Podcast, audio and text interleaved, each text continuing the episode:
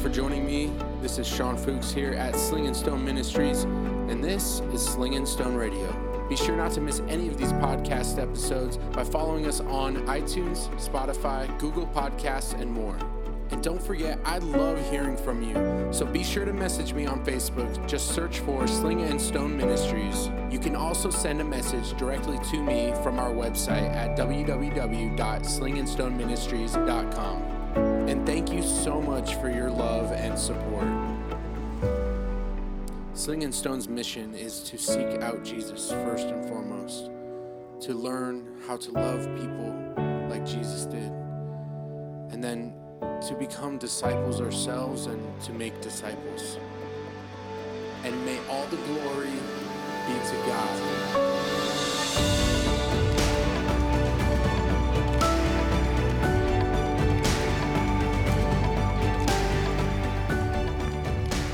Hello, hello, and welcome to Sling and Stone Radio, Sling and Stone Ministries. My name is Sean Fuchs, and man, it's been a while since I've done a podcast. This is Sean Fuchs. You know, and it's been since this whole pandemic started. Uh, since I've hopped on here and, and done this, and today I was driving home uh, from I was dropping my son off to his mom's house, and on my way home, I you know I was praying to God and and I was thanking Him for all that He's given me and you know asking Him to reveal Himself into my life and as I was driving, I was it just came it was put on my heart like Sean, you started this radio, this podcast, and right now people need to hear about Jesus. And that's really why you started this podcast in the first place. So, why did you stop when we I need you to do it the most like right now? And it was put on my heart and I was like, you know, you're right and I need to get back on the wagon as it was. So, here I am and I I want to I want to apologize for taking so long. But I also, you know, what I, what God put on my heart as soon as I sat down to, I'm not, I don't have this planned out or anything. Was He wants me to talk, I believe, about one of the, my favorite parables that Jesus shared with the world when He was with His disciples, the parable of the lost son. And it's my favorite because it's all about God's forgiveness. It's all about His you know, renewing power. And this is a story I don't I, I don't think it actually happened. It's a parable. It's that's what parables are. I mean, who knows? Maybe it's happened at one time in history, but the point is is this story, I'm going to read it to you the way that Jesus said it, the parable of the lost son, and and you're going to read and you're going to hear the story and you're going to and and and then I'm going to try to talk about it and explain it a little bit, but you're going to see God's forgiveness and his ability to take what is old and make it new, take what is you know disgusting and decrepit and and dead and turn it into something that is live and beautiful and and and eh, you know something that is fragrant and and just something that is full of life. And so that's what the parable of the lost son is really all about. It's about god's forgiveness and and I'm just gonna dive into it and just I, I'm I have nothing prepared. you know, this is 100% just reading from this word, and uh, just wanted to share. And, and the reason why it, it applies to me right now in this situation is, you know, like God says, it's okay, Sean. I know that you didn't, you know, I know that you hopped off the wagon, didn't, you know, stick with the podcast, you know, during this time, and that's okay. I'm here and my arms are wide open and and I'm forgiving and and we can move on and and I'll make it good. Don't worry. We'll make it we'll make it count. I'll make it good. I'll make it new. And that's it's so beautiful and God does it in so many different ways in our lives with sin and mistakes that we've made, regrets, things that are bad. Like God will turn it into things that are good, that are beautiful, that are full of life and that are ultimately for his glory, for his kingdom. So, the parable of the lost son, Jesus says, he continued, There was a man who had two sons. This, by the way, this is Luke chapter 15, verse 11, um, all the way to the end of the chapter. Jesus continued, There was a man who had two sons. The younger one said to his father, Father, give me my share of the estate. So he divided his property between them. Not long after that, the young the younger son got together all that he had, set off for a distant country, and there squandered his wealth in wild living. After he had spent everything that he had, there was a severe famine in that whole country, and he began to be in need. So he went and he hired himself out to a citizen of that country, who sent him to his fields to feed pigs. He longed to fill his stomach with the pods that the pigs were eating, but no one gave him anything. When he came to his senses, he said, How many of my father's hired servants have food to spare? And here I am starving to death. I will set out and go back to my father and say to him, Father, I have sinned against heaven and against you. I am no longer worthy to be called your son. Make me like one of your hired servants. So he got up and he went to his father. But while he was still a long way off, his father saw him and was filled with compassion for him. He ran to his son, threw his arms around him, and kissed him. The son said to him, Father, I have sinned against heaven and against you. I am no longer worthy to be called your son. But the father said to his servants, Quick, bring the best robe and put it on him. Put a ring on his finger and sandals on his feet. Bring the fattened calf and kill it. Let's have a feast and celebrate. For this son of mine was dead and is alive again. He was lost and is found. So they began to celebrate. Meanwhile, the older son was in the field. When he came near the house, he heard music and dancing. So he called one of the servants and asked him, What's going on? Your brother has come, he replied, and your father has killed the fattened calf because he has him back safe and sound. The older brother became angry and refused to go in. So his father went out and pleaded with him. But he answered his father, Look, all these years I've been slaving for you and never disobeyed your orders, yet you never gave me even a young goat so I could celebrate with my friends.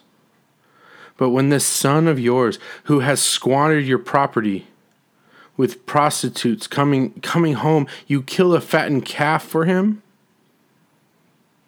My son, the father said. You are always with me, and everything I have is yours. But we had to celebrate and be glad because this brother of yours was dead and is alive again. He was lost, and now he's found. And that is Luke chapter 15, starting at verse 11. This is the parable of the lost son. This was spoken by Jesus to the disciples. You know, Jesus spoke in a lot of parables, and the parables are meant to teach us what it's like to be in heaven, the what what it's like in in the in in God's kingdom, the kingdom of heaven. And the kingdom of heaven is like so many things when we talk about the parables that Jesus shares with us. Like the he- the kingdom of heaven's like a mustard seed, said Jesus. It's the smallest of all seeds, but once it's planted, it is grown, right? In this passage, Jesus talks about how the kingdom of heaven is like a lost son who finds his way home again. And what's great about these parables is it, doesn't necessarily mean one thing, right? Like when we go to school and, and we learn one plus one is two, that is finite. That is something that you, you can apply mathematically and it is black and white. But what's beautiful about this parable that Jesus has given us is that we can use it for so many things in our life. You know, you can apply it toward how God sees a sinner who's lived their whole life in sin and then comes to know Christ. And what I love about it is the attitude of the Father. It's unquestionable. It is without bias, without, I mean, honestly, in a lot of situations, I mean, I don't, I know that as me as a father, if I saw my son come home after being where I knew he was and he was in despair and he was making mistakes and, and I saw that he came home and he was full of regret and full of sorrow, but just seeing his face I would. I would. I would kill the fattened calf. I would grab the nicest rope if we applied it to today, I mean, I don't have a fattened calf in my backyard, but I can guarantee you, I'd order out the, a pizza, maybe two pizzas. I'd get some root beer. I'd probably turn on some music. I'd, you know, I'd, I'd call my friends up, invite them to come over. I'd say, "Listen, my son's come home. We need to we need to party." How awesome is this? And that's how God reacts to us, not only as when we come from being sinners to being to being Christ-like and to or to surrender our lives to Jesus. But when we make mistakes in our lives and then we humble ourselves and we come to Christ and we say, Listen, I am so sorry that I have turned away from you for the last few months. Or that, and, and, and I guess in my situation where I took this whole pandemic and I allowed the fear of this pandemic to really shake me up to where I wasn't making I wasn't making podcasts anymore you know, I come to God and I say, Father, I am so sorry that I let fear get in the way of what you want to do through me. So the prodigal son is all about it's it's all about knowing and seeing God's attitude, Jesus' attitude about you coming out of sin, coming out of what mistakes that you've made and where you've maybe gone astray and you've made you you know you've squandered time and money and resources and and, and valuables and so on and so forth but when you come to the foot of, of the Father, when you come to the house of the Father, He sees you from far away. That's what the parable says. But the Father saw the Son from far away. and he was stoked. He was so happy that you were coming. He said, "Let's prepare for his arrival." And the son came, and he and the son the son was humbled, because that's what that the Bible also says that those who exalt themselves will be humbled. Those who humble themselves will be exalted. It's very clear that those who who praise themselves, who focus on gaining for themselves, whether it be in riches, whether it be in how you spend your time, who you know, how you talk about yourself. Eventually, you will be humbled and this son came to his father, eh, humbled, and said, "Listen." And the son wasn't even prepared. He was he was hoping to be a servant. He knew I'm not worthy to be your son. Can I please just be your servant so I can get a decent meal? And in turn, the father opened his arms, gave him the nicest robe, the fattened calf, you know, invited the whole town to come and, and celebrate and, you know, with dancing and music. And how much love do you think that that son felt from his father? And how much more did that son love his father in return? That's how and really it come that's what it comes down to. It's it's almost unrealistic. But it also makes perfect sense when talking about a perfect God with perfect forgiveness and perfect love. That's how our God is. Jesus, when you come to Jesus, He doesn't see your sin because He paid for it already. He knows about it. But when you ask Him to forgive your sins, He puts them as far as the east is from the west. That's what the Bible says. Your sins are no longer staining you, your mistakes don't stain you. And, and Jesus opens his arms up wide and he sees you from far away and it is just good it's good news and that's that's a, a big part of the essence of the gospel the good news is is is christ's forgiveness. Now i would encourage you to go deeper into this passage. I, there is probably a lot more that you can learn from this passage. There's you know a lot of doctrine that you could you know dive into. And i would i would encourage you but not only that passage if you read through luke there are many parables that jesus is sharing. This is just one of them. This is one of my favorites.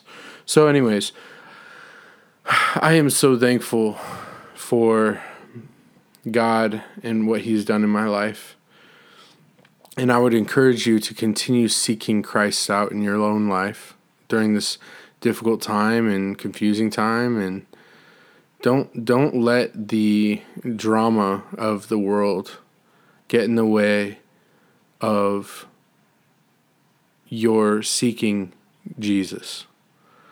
Because it is in the fear, it is in the confusion that the, the, the enemy wins you, you know, the enemy is going to use whatever he can do to confuse everybody and and put the and put fear in the hearts of the people but it is in Jesus Christ that we have our foundation and that we seek peace through him.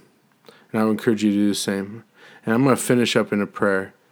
I pray Father in the name of Jesus that you would pour your blessings upon this nation during this difficult time. God, I pray that you would remind everyone how much you love, how much you love them, the nation, the, the world, and the nations outside of the United States. I pray that you would, around the world, pour your love into the hearts of the people who are seeking you.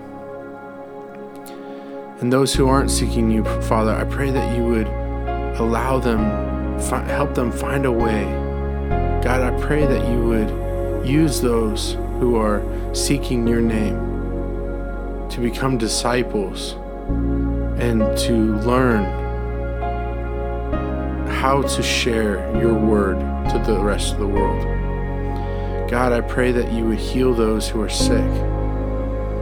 God, I pray that your will would be done in my life and in those who are listening. That any pain, any struggle, that you would Remind those who are listening that you are in control and that you love them.